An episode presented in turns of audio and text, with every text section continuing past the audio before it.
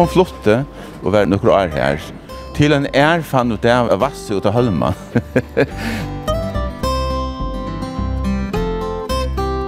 Til stilla opp og til stortlitt av døymon at føle seg sindur bestemma sånt.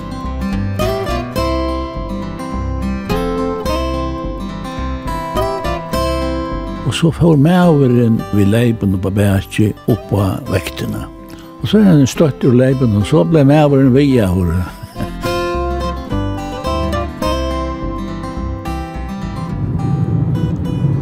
gå an der, og velkommen vi og enn ein nutjan tur. Atter og i det er eit spennande mal fyrir framman. Og jeg må si jo enn for at ta du kommer opp i årene, verur 50% nostalgi. Og det er ikke sørst at jeg må gjøre noen sin rett.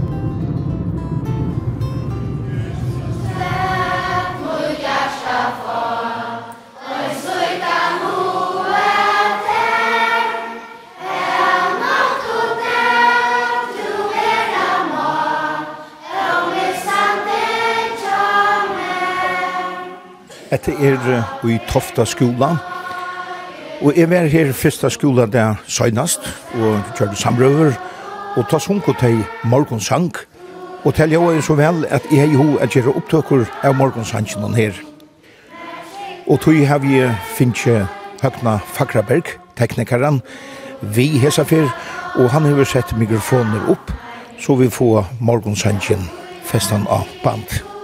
Fyrir mange av okkon er den gamle klassiske morgonsankeren i skolan om ekvelia nostalgiskur, og hetta gav meg òsne hoskåte at gjera en tur, og jeg har uiplåstor ur munnen ekno batna aron her av Tofton.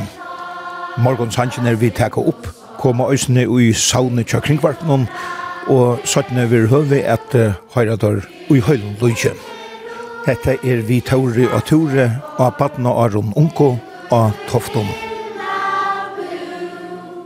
Det var ikke ta Ejek i skole her, men nå har vår tofta skole et nemmingarå, Elsa Hansen og hennes høygård, tid er å beie i nemmingarrånen.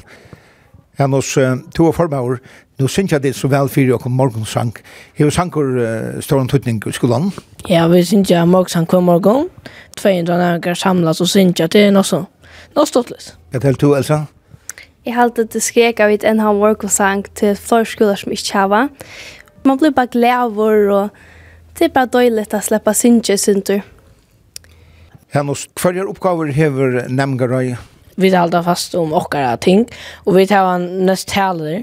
Jeg har ikke grekkars mest talene, nå til mars. Det er hans arbeid. Så er det praktisk ting. Det var kjellet, diskotek og i høttene og forskjellig sort. Vi er og en av de få skolene som alt som har vært lærer det. Vi har vi skriva røve og at vi gjør gaver til lærerne og har til halte at arbeidsjødomene størst. Og det er jo tøtning for nærmengene at altså, nærmengene har sitt egna rå som stiller fire i skolen? Ja. Det stiller opp, og det stort litt av at hvis man slipper nærmengene røya, man slipper å styre sin tur, føler sin tur, man bestemmer og sånt. Altså väljer er här alloj i oktober.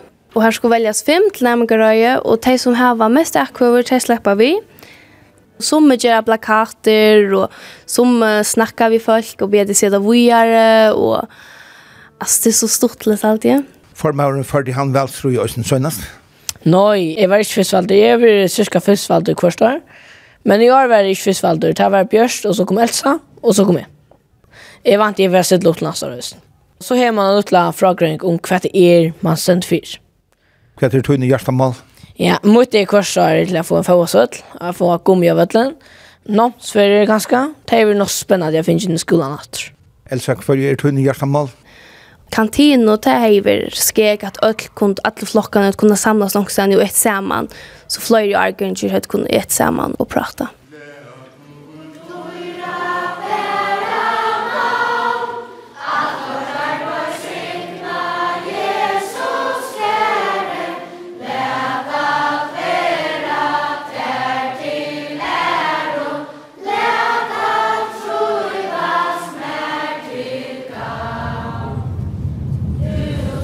Og i munnen oppvøkstri her av Tofton var nekvur utrauer, og vi dronker engt og nekv, som er vår ekvelige rasker at egna. Og det måtte være fyrre parten av tjeit i Arnon at egninga skuraner kom og her om han fyrir flakavirsin ik, som nu øytor Ferro Origin. Nu er løyte løyv i skuranon, Ein av dem og favo som framvis rører ut er forsara gamle veteraneren Jack Høykort, og i nekv år hei han utrøra baten volunteer. Nå hever han glæstrevja baten Hetlofoss. Nummer 9.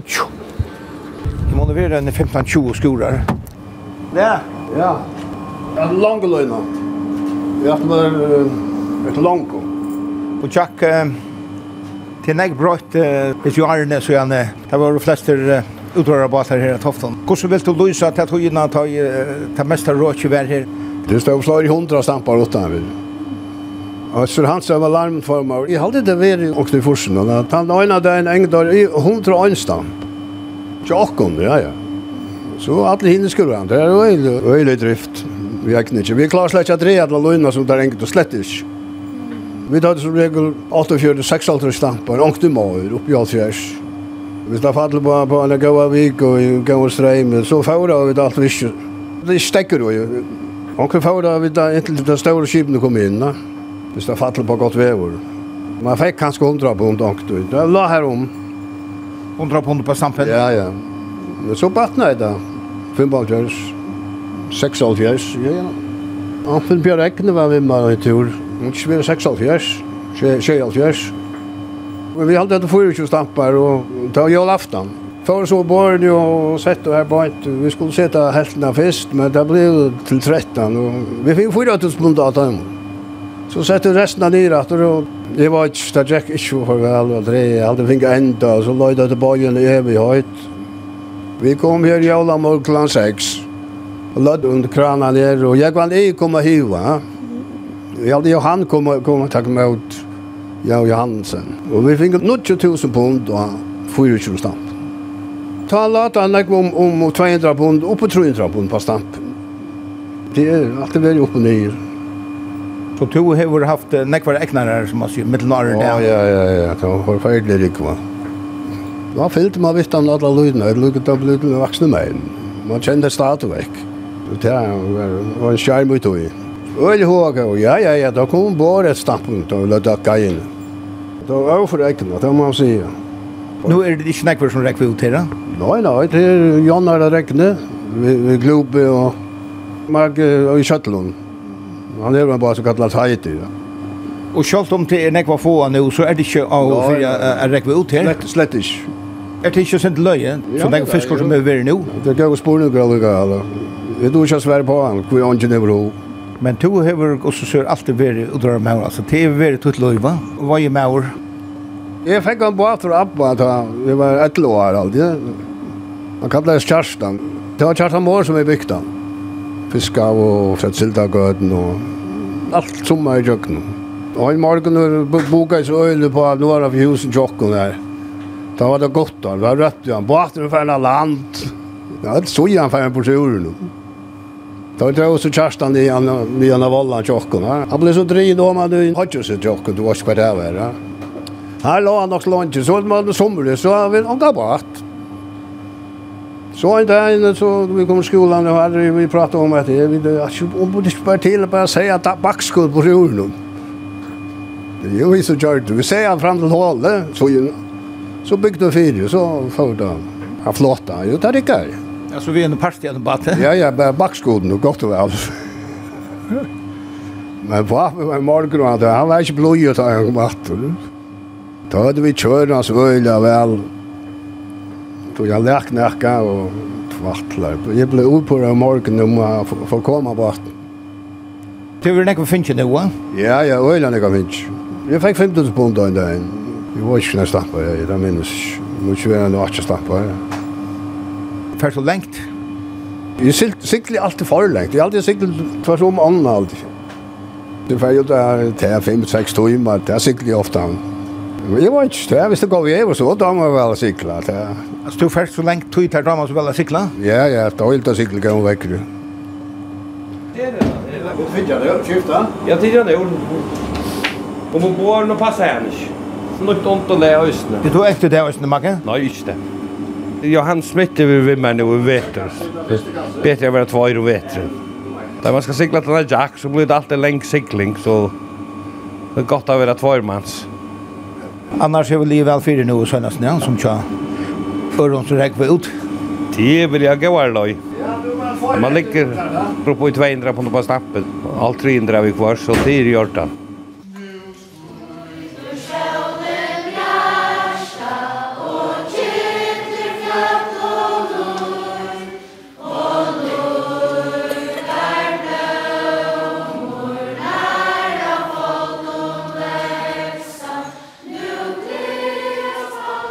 alltså svarte hade så den gamla. Jag hade hade den gamla han. Ja. Och det här är ett hus som blev byggt i 1832. Och så blev byggt upp i efter det var i i Skeiholtsrush. Halter kor på. Nu standa vi till nian fyra öra handeln. Den stora handeln tja DP Høygård och Fyrst jeg minnes da jeg var smådranker å komme inn her. Det var som å komme inn i en, en annan heim, altså. Det var virka jo øyelig størst. Øyrehandelen har vært ekvelig større etter tatuer matestått, ja? Ja, det har han bestemt vært. Du arbeider her? Jeg arbeider her, men det ble lengt at han var. Men han har alltid vært større i i munnen egen, altså. Hvordan vil du løse han? I munnen egen var han større enn for SMS, det. ja. Det har vært det. Men så fyllde det, du kjente ikke til noe annet, skjønner du. Det var bare så helt fantastisk. Det ble sagt at uh, du kunne kjøpe alt inn her. Alt, ja. Och det kan man roligt säga att jeg fikk stå allt. Du fikk alla de matvører som var och du fikk måling och tapet, kol och koks och bensin och petroleum. Alltså det var allt simpelthen. Och glas var i kjattlaren. Och glas ble skår i kjattlaren, ja. Så akkurat smadrangen som vi tenkte til, små bøtten og ta i grunden, det var løyketøy. Og for det første så var det løyketøy å få, etter å ta til her Og til jævla ble rettelig nekk gjørs. Så jeg sleppa, og man i øyrehandelen ta. Det var nekka holdt særligt. Og så var i kjattlæren her ble tidsi med å seie. Oftast var det seier kom fra øyre og kalbakk, og ble flettet her i kjattlæren til egen bruk i handelen, skjønner du? Og så ikke tale om det man sa til at nå var det en kikk kekva ved Ja, ja, ja. Onkel kom løyende under kikk om i øyrene, så ble jeg ferdig om på en reile, så kjøtt jeg til hun ble skåten, og, og hun ble skåten utenfor her. Og så ble hun tidlig inn i kjattlaren, hangt opp her så vildrødt og flett. Og det var han, ta berøpte Aulin skola som alltid heit her om, om handen. Ja. Så hette her var en, en, en særlig vær i kjokken, smadrønsen. Og så nyan ur, her så navi er det, her var det jeg kallet for Gatnaloften. Ta hette jo nek skip hette i øyrene, ta silda tøyen vær så var gatna loftet og fullare drift til at tar gjør det gaten til og bøtt og kvarta søgn. Og så i Skeihaltrus så var det bygd langt norr etter og det er døylvis oppe i handelen og ta vi være skrivstående flottar på loftet. To minnes jo han den nekka langer atter inn i, men Torsjehuset Norrafyrt, her var jo også nek virksomme. Ja, ja, ja, ja, ja, ja, ja, ja. Men uh, ta oss om handelen, altså, ja. ta per oss til at boile, altså, Det var som uh, nästan som uh, att du skulle köpa också från Dalsvario, så? Ja, ja, ja, ja, ja. Du lät en bära listin, och så blev det kost ut. Servisan var god här. Och ett maj tre år som tar, vad ska det här? Man sa så grovt upp till dig som arbetade i ölhandeln nästan. Ja, ja, ja, ja, det här expertisen, det här var nekka helt særlig vart her, altså, egen er noen kjønns madrønge, skjønner, og samme tar jeg kantoren. Det her var menn, klatten ikke og slipse. Och två arbeid så här till 17 årene? Ja. Altså, ødel høtt og tilknøyde til øyrannar. Og ikke til anna tilknøyde. Jeg har lyst mitt fram til at, og har sett i Imonsko att at omløy 500 folk var og i vinn og tjater by høygård. Ta og i halvt trus om. Ta det var mest, ja. Bæg sjekk vi landet, ja. Her og inn i høyum. Det var, det var sikkert nær gattna loftet, som vi sier, Jani, skjønner. Det var så grunn folk i bygden. Jack in her, og helst vi smadranger, för nyan her, hvis det var regn lagt over her ble nekvar gåa fortalt her, her kan du si at her var ein som, han sylte nekvar ut i Georgia, men så ble han heima med over og, og fyr så at arbeid her og kjette på Hjørgård. Jeg minns helst øyna ferien at da var vi dronjer purastande bergtekner, altså. Da fortalte han han er veri oppi i landet i Frankarudj. Og her var han kom til Rittla 4 tog at han kom gengande nu kjemur en hundre møter Og jeg minnes det som vi gjør til han visste jeg malen i hunden hon, altså manshavn nästan oss. Och vi såg en grålig hund till fyra och det blev helt gärna för man måtte för bliva. Men han visste då att han backade inte sig. Han kollte allan armen inn i kjaften av hunden. Så lengt atter som han rakk. Og så tog han armen til seg og tog han vent hunden og hunden rann hinvenner. Øvult. Ja, det kan du si at vi var pura bustras, vi bara sjåa hund og kjønn, og jokkar egen, han ble bara større og større, når vi fortalt om han var sikna hund. Så det er særlig minner uh, at han er for her? Ja, det kan jeg si det. Dette har vi alltid helt vært helt fantastisk, og vi håper til at vi tog utbygging som, som skjer i det, at det her kommer å være om øyrehandelen her, og hele tiden i øyrene, kommer å være et, et mye för, plass for, for bygdene. Det er ju hvert fall ikke vi det er. Og slags torg. Her er nekk virksom i det. Nå er det Navia som øyer bygningen, og tar det var just nekk vian. Navia og Insito er i over hatten her, en klattna forretninger til Øsne. Og av meg hatten er skrivstover som har laget seg inn her. Så her er nekk lov i det er det. Her er det.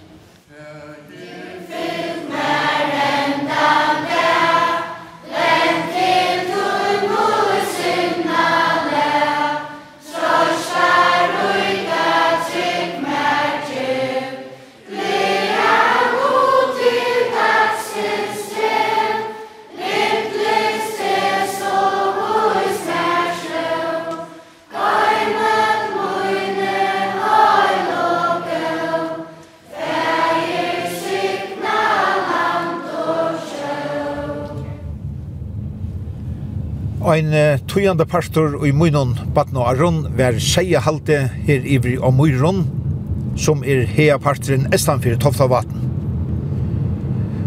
Bachaner Jakob og Kristoffer, vanlig nevnt Stoffer i Holtanstoft, var okkara nærmast og grannar i Toftatone, tar var og avkjefter og røkta av her ivri og Muron. Og jeg har nekv gau og vøkur minner om torboar brøvernar var mengan borster i hea saman við dømon. Og det var Mikael Johan Heinesen òsne, vi var grannar og jaunaldrar, og han hever nu røkta her av Møyron og i Noxon egoar. Han er her vid ta stora seiehuset og man fyrir tofta vatten. Og her er kommer rettelig fitt av lampen nu er tås i her er leir der vår påska aftan. Og her er langt jeg hadde han sier, Atjan lamp kommen. Ja, det er tølt jeg gammel, det her lampet, ja. Tølt det er langt? Ja. Så til den? Tølt, ja. Her er den øyn, det er alt for tølt, ja, alt er det. Og, og, her ser det her, en frammordet her, gong vi en timplamp her. Hvor er lampen så tølt, ja? Ja, til frem til sever igjen. Utan visste jeg at, ja. Og det er så gjørst det at, at ferien byrja lempa longo 8. april. Jeg vil omgant være utfyrt før. Vi tar 20 i dag, og det er så 18 lomp kom her til. Av 16. ånd. Det stod at vi da vi ser det heppe med vekkren om, til at vekkren var godt, men det er for tullia. Lempen blir så drikk, det blir så lunge. Så vi slipper ikke ut for uh, byrjan av desember måned. Så det lemper alle, alle mai måned øsne, vanlige. Ja ut i 20. og ut om 20. mai. Så det var en øyla leng lemping. Stora aldersmoner av lampen, som er eldst og yngst.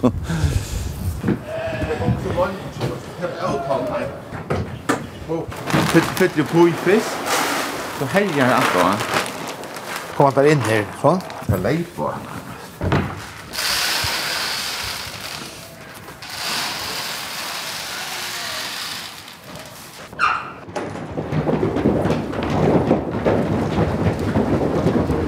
Du kjøver uh, i Lembeka tøy? Ja, det har vi alltid gjort, og er det nå. Vi er ofte vi græspilleren, vi begynner av mars, og, vi har lyk opp til nå. Spekler begynner vi, vi, vi føren og sier føren, mjøltføren. Nå får jeg bedre til.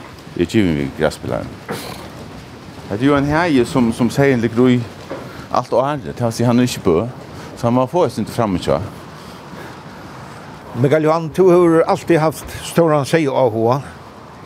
Ja. Yeah. Markus bara till att uh, säger alltid hur fyllt för näkt kjöter? Alltså, jag vet inte. Det har man väl genetiskt. alltså, jag, jag vet inte. För att smadra inte, Så jag kan inte fjärs upp ju. Säger till till till till. Man är uppvuxen så här man vid Röktingamon och grannalän och, och så jag hade man är lust efter och här är chicknaur och gussar och norskt som är så blivit bara. Honen bara bara ökter vi är alltid fyrir så tjekk man upp i allt. Ganska nu då man bättre att att att bruka tog in och slappa av och inte vara så Vi ser en ärmistr ett lamp. För så kallt om löjvet kommer. Jag får upp att loiko och för att skaffa lamp på en väg. Nu kan det gott lätt att ärna gänga samtal först. Det att de mjölken har att sitta till och testa mer roligt och ta rika lycka väl. Och för så säger mig ju på hvis det mister lamp uh, skinn, nu blir ikke skjoldan skinn, så jeg det takk av lykka ved lampen for det om det ikke var skinn. Så så halte jeg ånden til med en lampen är sikker för att få såg och efter en två timmar så har jeg det tidigt lamp.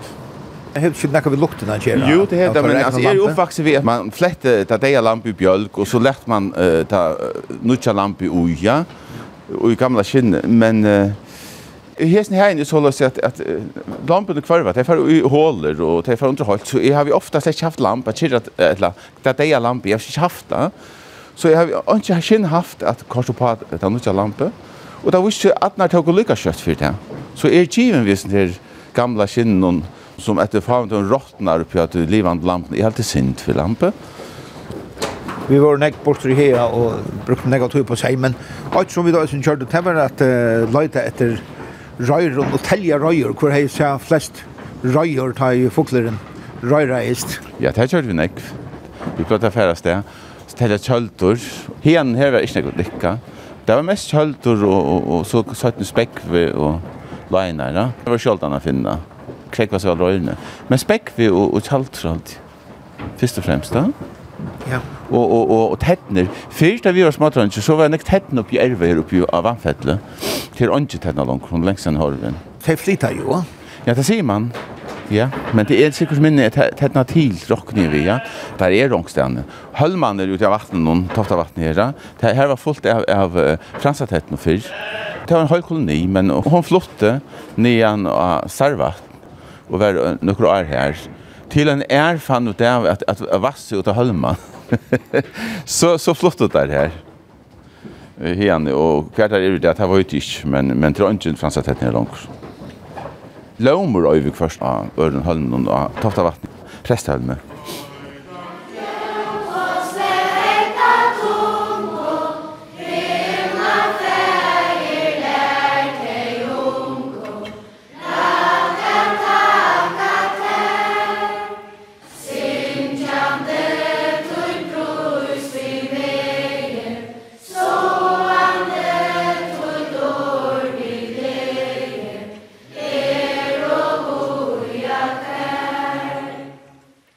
Fritz Johansen.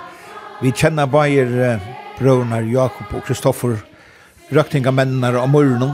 Ta i hokse om tar i det, så var det ikke helt vanligere. Nei, det var det ikke. Jakob kom bare mellom folk, og hinn hin var mer inneslig. Det var lukk slett ikke. Vi hadde ikke på nærkere mat. Det var ikke øyne i alt det etter. Men kom vel til at det, altså, klarar väl att hålla hus samman. Det var inte bäst. Men så pura övet ära matar. Det fick stånga det igen. Det får kursen att. Jag var så väl biktor. Prover och stora, hellre, hellre stora med honom. Han var stark här och nu. Ja, jag stod på bara då så stod, eller han, han tiste så grovt Det var förr här han fick han så allt vatten alla stan. Så det var inte några särskilt sjukan i basta och Ja, vi blev det värre nek vitt, men vi är annan. Det var stort lite horar. Så är det snö och väggar en som tar ut innestandande. Allt som är det. Och i mörskren. Han måste ha gått äger, han väggar. Men så det är egna bält och ta begynte han bröd ut norr efter grunden begynte att man nyer. Så fick han dagslös. men det blev nog gå och säga. Men man måste tvärna till han vill om omallekt. Eller sa man annars. han var nog myskra lite i oss. Vi kan att lära köra ut allt. Jag vet inte hur. Han var inte säker eller något. Det hade vi inte. Det har ha en rum till pent där. Han vill släppa så jag dagsliga och så örna på det bra. Så det, han, han åkte ut jag någon lända. Ja, jag flättade han verkligen. Han var gård. Han var uppe mot trusbonden alltid. Gård ta tog Bra, jag vet det, ja. Tar livet och vi sier noen, ne? Ja, ja, ja, ja. Det var ikke det var det församlade sägen. Det var ferdig gang i våra morgrannar. Men det var for oss når vi kom først i fjall. Det minns det også. Men du ikke det? jo. Hva hadde du i kofferten? Det var forskjellig at det var å ete. Da ble hamre, jeg hadde en spann, og så hadde jeg drukket der bort ut låtjen. Da spurte Mathias om, om at det var fra skildning at det hadde låt. altså, det er jo jakk for på her. Så i minst han får av måten av sted, og så har han knut opp i Ritzenen, og han var fyrt deg igjen. Ja. Han kom achter om kvöld, jeg fyllde vi, da han kom achter om kvöld andra. og så nian att hossa vi igjen, og så spurte jeg, om du vel är se fra hva det har hänt i hen. Så sa du, skoimingen här og ta hossa. Där då jag inte läxte jeg var bara en, det var inte åtta linjes lampa, på Kaksborn och Inne med hon allt värda. Men kan Johan, gosse, kan så lysa munnen mitteltorgbor, bröderna, Jakob og Kristoffer? Ja, nu må jeg si at jeg kjente bedre Jakob enn Stoffer. Det falt bare så det ut. For mer virker Stoffer Onkus vegna sindur stikkligar, vi skal se på den måten. Jeg følte ikke jeg kom lykka vel inna Luivi og honom som var Jakko, men um, han var blujur. Og kanska det som tar tåsa om det var ikke akkurat det samme. Stoffer kanska tåsa i morgen, det som tek fyrir i bygdene og går ekklager i autos som tjekk fyrir i bygden, ja. Kun du også finne på sitt nøvn av folk og så videre. Det var som om det opptøk jeg ikke så nek akkurat det, ja. Han fyllde vi ut i høyme i Øysen og sånt. Jeg vil kalle han ganske intellektuelle. Jeg har gått av vita om nek tinka. Og jeg tjekk nek på i a lære okkon at tåsa rætt, rett, gå om år, som jeg var bensje fyrir for for skjeite til er opp til lustian om så säger från streamvirskift nöjsny och om heamarsk och, och så vidare. Ja. Vill det här att, att det inkro är sin lärt och, och, och bör ja. Han hon dömde väl att synka ösny och dömde otroligt väl sank. Det var rött igen. Nei, han var nok ikke, ikke i køren, ikke han men han lurte etter vendingene våre. Det fortalte han selv, hvordan han platt det affære om, han, han visste at det var vant og i skolen, så för han åman och så grolva han in i chattlaren för jag lustar efter vänjen kon så det var en otrolig aho. Ja, det var lov i chattlar, så det har ikke nevnt å komme til. Men han var ikke ønsam alltid, han hadde underkjørt og øsne først. Så han, han er øyland ahua i, i, i Sanch. Og hei sunnar idolar til dem som Niklina Kameran og tar seg med kvarst om som han gåan alt, og Sonno Haberg som en gåan sopran og det minste. Men eh, vore tar det som eh, vi det där kallar för originaler. Det kan man säkert säga att du tar livet i pakt vid naturen kan man säga. Tinko nekvo på sägen för Jakob nu nu nämner Jakob han var otroligt god vi krujar tror jag. Han var så god vi det att som är är fick leva leva i vars kus lunch. Och en han som är spjältre. För en spjältre var det inte men hon var morre minst det var inte så stor och hon var akkoml. Og så åknen hun til Eva Vion og nivå igjen, og så nevnte han at den er undan. Jeg vet ikke hvordan jeg var hun åtte undan, sier han han er spjalt. Men det var en ekvar, mitt land, og en, en skøyveklet, minst enn. Han kallar han for skøyveklet, da. Og anker jo samar i østen undan Så Det var en gau er, og han ble skøy vet du. Han tjekk, ta fåra man ikke man gjør det, men han tjekk sjolv over sin egna kraftfåra og savna seg rundt han om seg.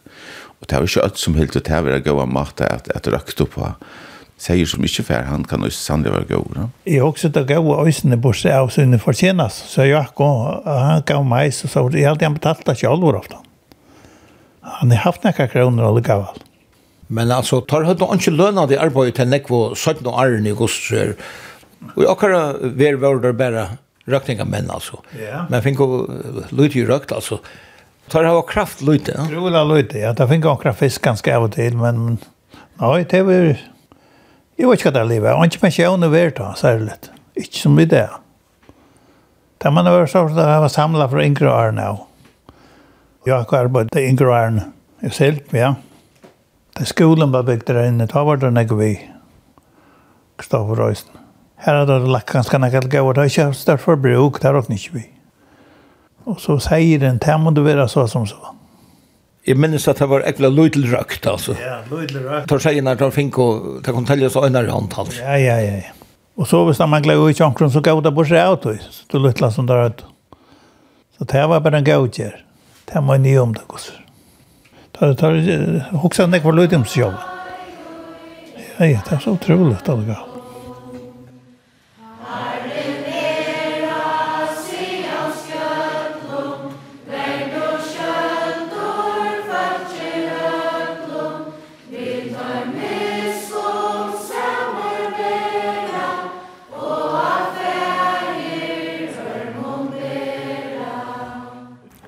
Eit som er minnest særlig fra Tofta skola er at her filmløkene framsynningarna som atler skolen heie.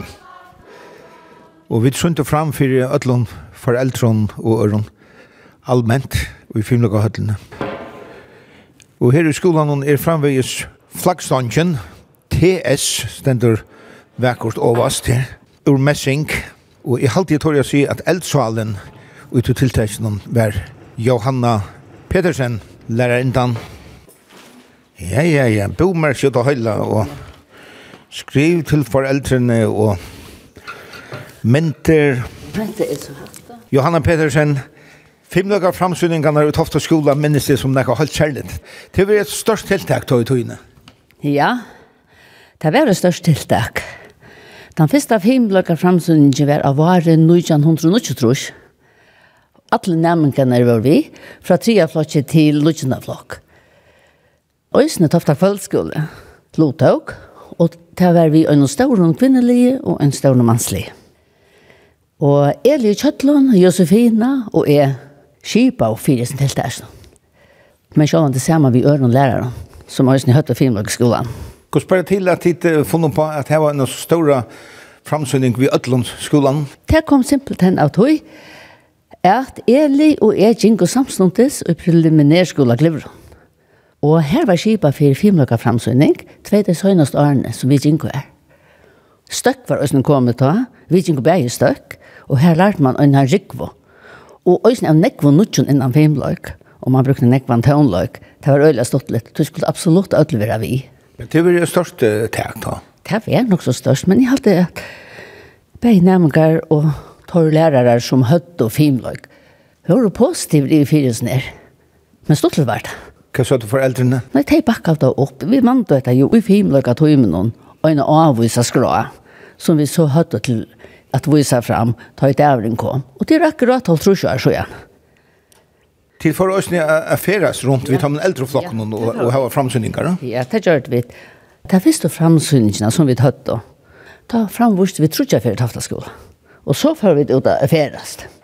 Og vi får til Skalar, vi var i Ritevøk, vi får til Foklafjere, og enda en tur til Øyes. Men da hadde vi ikke de minnebøttene vi, så vi tar ut høyene, blir i filmløkken ikke for en triaflokk. Det som er minnet, så hadde tre og fjøre flott var gos gosver ikke vi. Og til ble vel måltidgen? Så forferdelig vel med måltidgen. Og vi tok en liten samsynning fra tøymen som kom inn til for å ta ferie, så det kostet jo sinter å få fast. Vi var så nekv.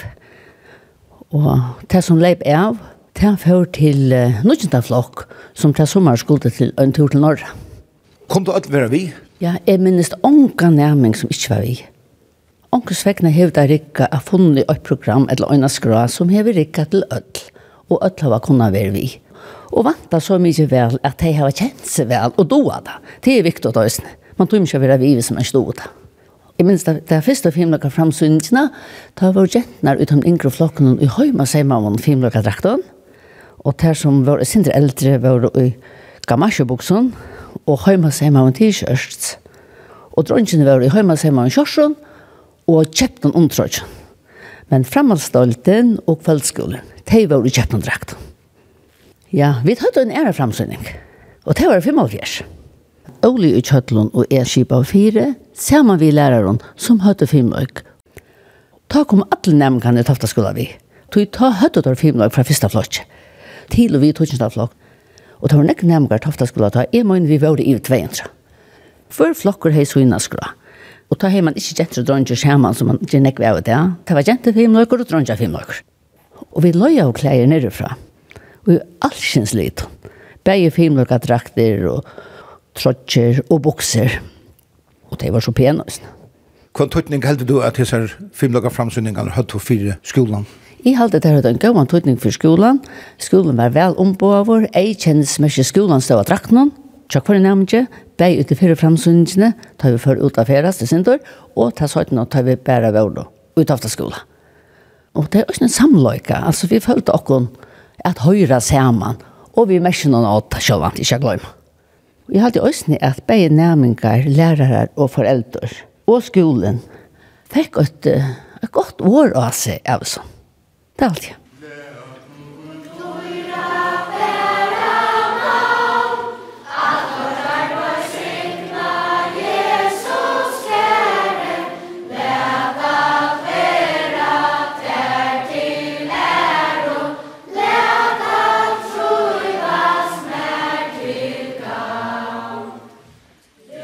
Her bor Jekvann Ingvard Olsen, gamle løktingsmauren, regna vevor nummer 16 på Tofton.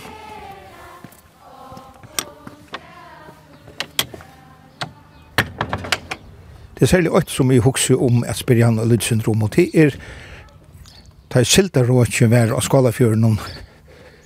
Kanskje det vil være særlig i 60 årene.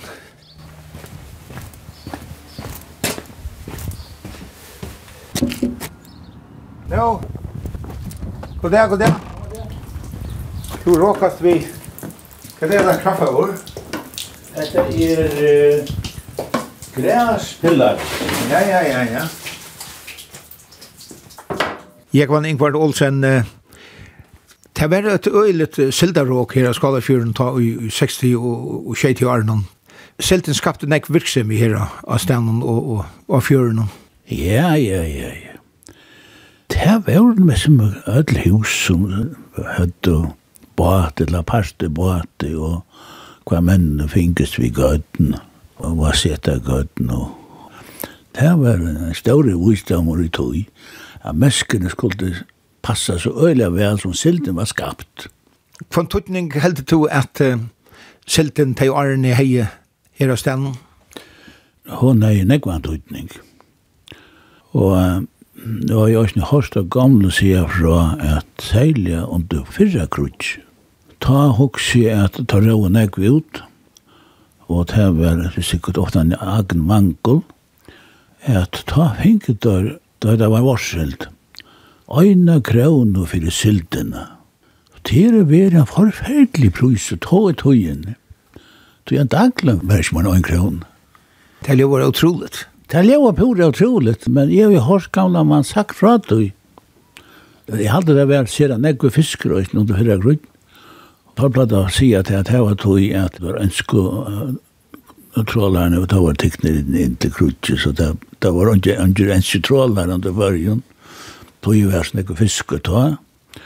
Og så fortalte det øyne fra at, at det var kålstrek i England gjennom for. Det var 18 negve fisker under varjon. Jeg så sånn noen nekva årene har ikke vært nekka selta råk, men du har alltid, som man sier, finnes nekka selt kvart år, ja? Men damer så er godt å sette selta godt, ja. Det, det er så veldig spennende. Du har ikke ångan til hva du i. Men hvis du ikke setter, så... Du har ikke sett i en tvei år, alt. Han ikke setter langt. Han ikke øyegøden, han ikke hever utgjør helter. Det gjør ikke penger av seg. Og tar hun kjeipa sild, tar kjeipa ikke i kassa og isla så Nu er det bare så store skibene som her var tusenvis av tonsen i Hali. Hon er hever han nu en annan trutja fyra mannsaldrar. Haft ståra tøytning, gosses for jokken i skala skalakjøren. Der høyt også nok tøljan i tøyene at, at, at det er frist og silt. Det var med som en kvararbygg, så var et kavehus, et la fristihus. Her der samla og kæva og glær. Og det var kjøttnen og vøttnen og, og i bakken og glærpøybner her. Som der samla av inn og etter inn. Og brukte så av frista siltene. Kave og salt og panner fristøyna vi, og så hadde der rom som der helt og kulda nere vi kavan og, og salt. Ja, frista røyene kom ikke noen til grøyene og alt her. Jeg minnes det at anket i båta havnet var kommet. Hun kom at han av krutje inn i øyren. Ta vær en, ja, en rikko av båta som driver og silda gøtt. Ta vær nok i trusjåren og Og her tjokken var det her bare av fjøren og en skala båten og tenke av fjøren og så var det flesjen og kanskje når det var slags år da man var langs da. Og at han var full altså brikkene framvid det var fullt av falskje, sildagøtnen og sild og det vi har ikke kjøpte sildene Ta øyne tøyene, ta ber man da i leipe. Mennene var i oljeklaven, og sylte var en på i leip, og så ber man da nian i handelskjallaren, i tattleipe. Og så får maveren og i oljeklaven og vi leipen og på bærkje oppa vektene. Og det ble alt via, og så er han støtt ur leipen, og så ble maveren via, og Så ble det her trekk fra. Nok så effektivt var det. I kvart kom det ta nesten være på halva veggen i overabore kjantlein av silt. Og bøveren er rundt han om, han ble hotter av siltatonnen, og ta ut av leiet hest. Og til 17 år Arne, tar og vær, så var det sånn at Anitje, at det ble salt i tonner. Ja, ja. Flakavisen. Ja. Jeg hadde det første året som Nike var åpen, Da tok han imot 500 tonsen av fjæraselt. De ble salt. Ja, han begynte jo nu ikke, tror jeg.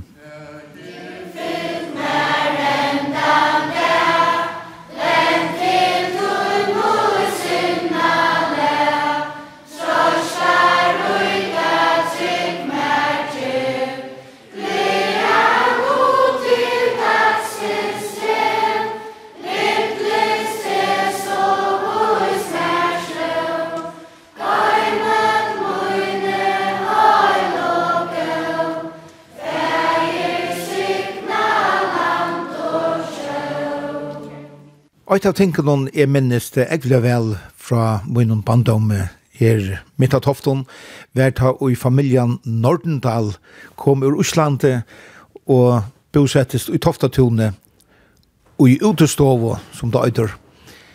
De hadde bo i Uslande i 20 år og flere av dem er noen i Vestmannautjon og stått etter at de var kommet her for at gøysa til store eldgåse i Vestmanna og Kjønn.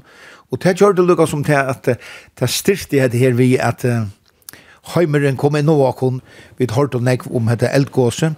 Og et annet som jeg minnes jeg vil vel, det var at um, i husen hon, Tyrska og Ekvia nek Elvis Presley.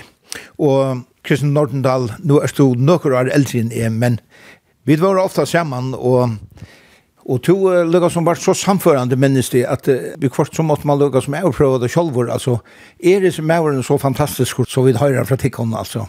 Men uh, etter tog nu så visste att uh, Elvis vergaur. Ja, yeah, alltså Elvis, han var verligen gaur och han ikke løgne at til han sendte som heter Atana Elvis. Och til han sier atler att Elvis var opprunnen eller byrjanen til alt det som kom er. Og det halte er utan at, at man kanskje gjør en fornek høyer at det passar. Han var virkelig en, en, en slow brådare. Og det er bare spett at, at Elvis døg så unge som har gjort det. Til bortjaner, altså, var alle lukka hoteknere av Elvis? Ja, kanskje oppa kanskje mata, Men jag vill se att, att alltså Elvis Hayes så ett oiser. Alltså han är utkäntarna. Alltså han är karismen, han är stämmorna och att att det var noe som träckte altså, alltså och det gjør det enn det at det er miljoner av människor som har sagt det det kan ju inte bli för att man ganger så högt opp på det att det är näck för Elvis feppar rundt omkring i heimen som genka uilaten som Elvis var. Og så, så las er ju ikke. Jeg vil bare minnast han som en, en uh, penan mann, og en virkelig han gav og sankar, og ikke minst gospelsangene. Det er det aller, aller, aller beste sangene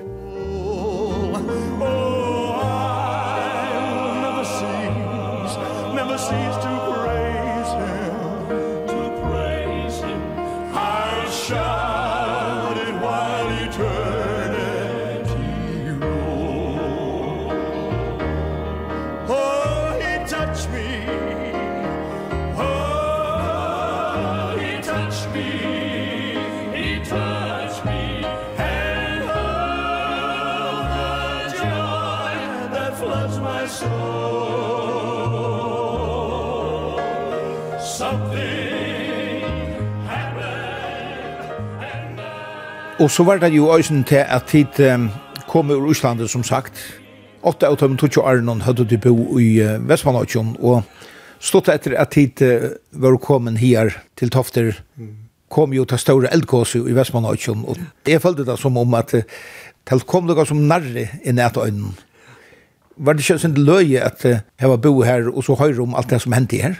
Jo, det var løye, tror jeg, at uh, Nu har man ju bo i Västmanland som man säger i åtta år och nu har man själv vår uppleva en slags eldgås ta och i fyrtrysch ta i syrsig og, og syrslingar kom jo upp og tälja og i ösnen så öjle litt så Så nu, nu var det chockerande att höra hur sig hemma i bojen här på han la ju under i ösk och, och näckat han husen här som vi bor ju i ta eisen det var under i ösk det var kälkande var det Og det var et, et satt under til at uh, hei vekker ikke vært så godt ta, og gjennom mannen tror jeg fjers. Så hei det vært en, en katastrofe til at så uh, felt ikke kunne slappe av øynene til at uh, de måtte jo siktast uh, til fastlandet.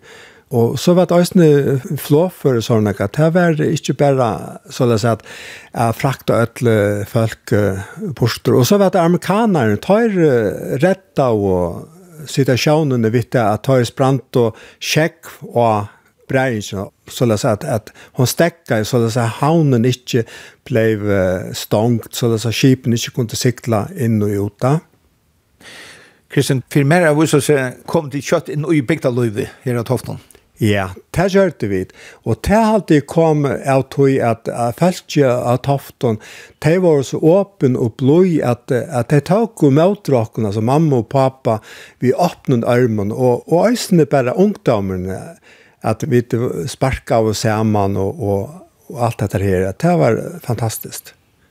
Og så platt vi det at kjøpe brussukker fra mamma og brussukker slikkepinner, tar smakket vel. Ja, för mamma hon hon var kjent for å gjøre bröstsukor. Hon ble jo også røpt for för bröstsukorkona. Och hon gjorde det også en med en vidt bo berg i Västmanland og, og i Torlasöpen. Og hon helt av frem vidt i her av tofton og det var nekk bøtten ærestand fra som Øysten selte for igjen. Hun selte jo Øysten nysgjer pitta seg han til. Og, og det var Øysten så løs at jeg visste han til film og i stavene ikke akkurat, og det kunne være disse Kjell Kjaple-filmene her, og og det kostet en fem kroner å slippe inn, og så fikk man brussukker. og så var det det Øysten som var så stort litt at Da vi spalte uh, Charlie Chaplin-filmene, hver han var at du allar vittlasta rann och och, og rönta den undan. Och ta spalt i så här vittl och rock and roll sanchen vi Elvis Presley. Så det passar så öjlan väl så och ta tomte tajm som var inne och hukte det var rikve av ungdom det var hese Gogo Gokke och det var Charlie Chaplin och det var ju några boxefilmer som Mohammed Ali och såna och så så ungdomen tar jag tej stortlagare Ja, minnes mig rätt så var Mohammed Ali ösnen en stor firmen kallar. Ja, ja, alltså han var min stora firmen och ta ta e och och andra vi vi boxar och ser man också i filmlökarhöllarna. Ta hej han som min mina firmen och runt i att att dansa akkurat som han körde och såna och, och jag alltid att att, att, att, att, att, att, att, en att, att,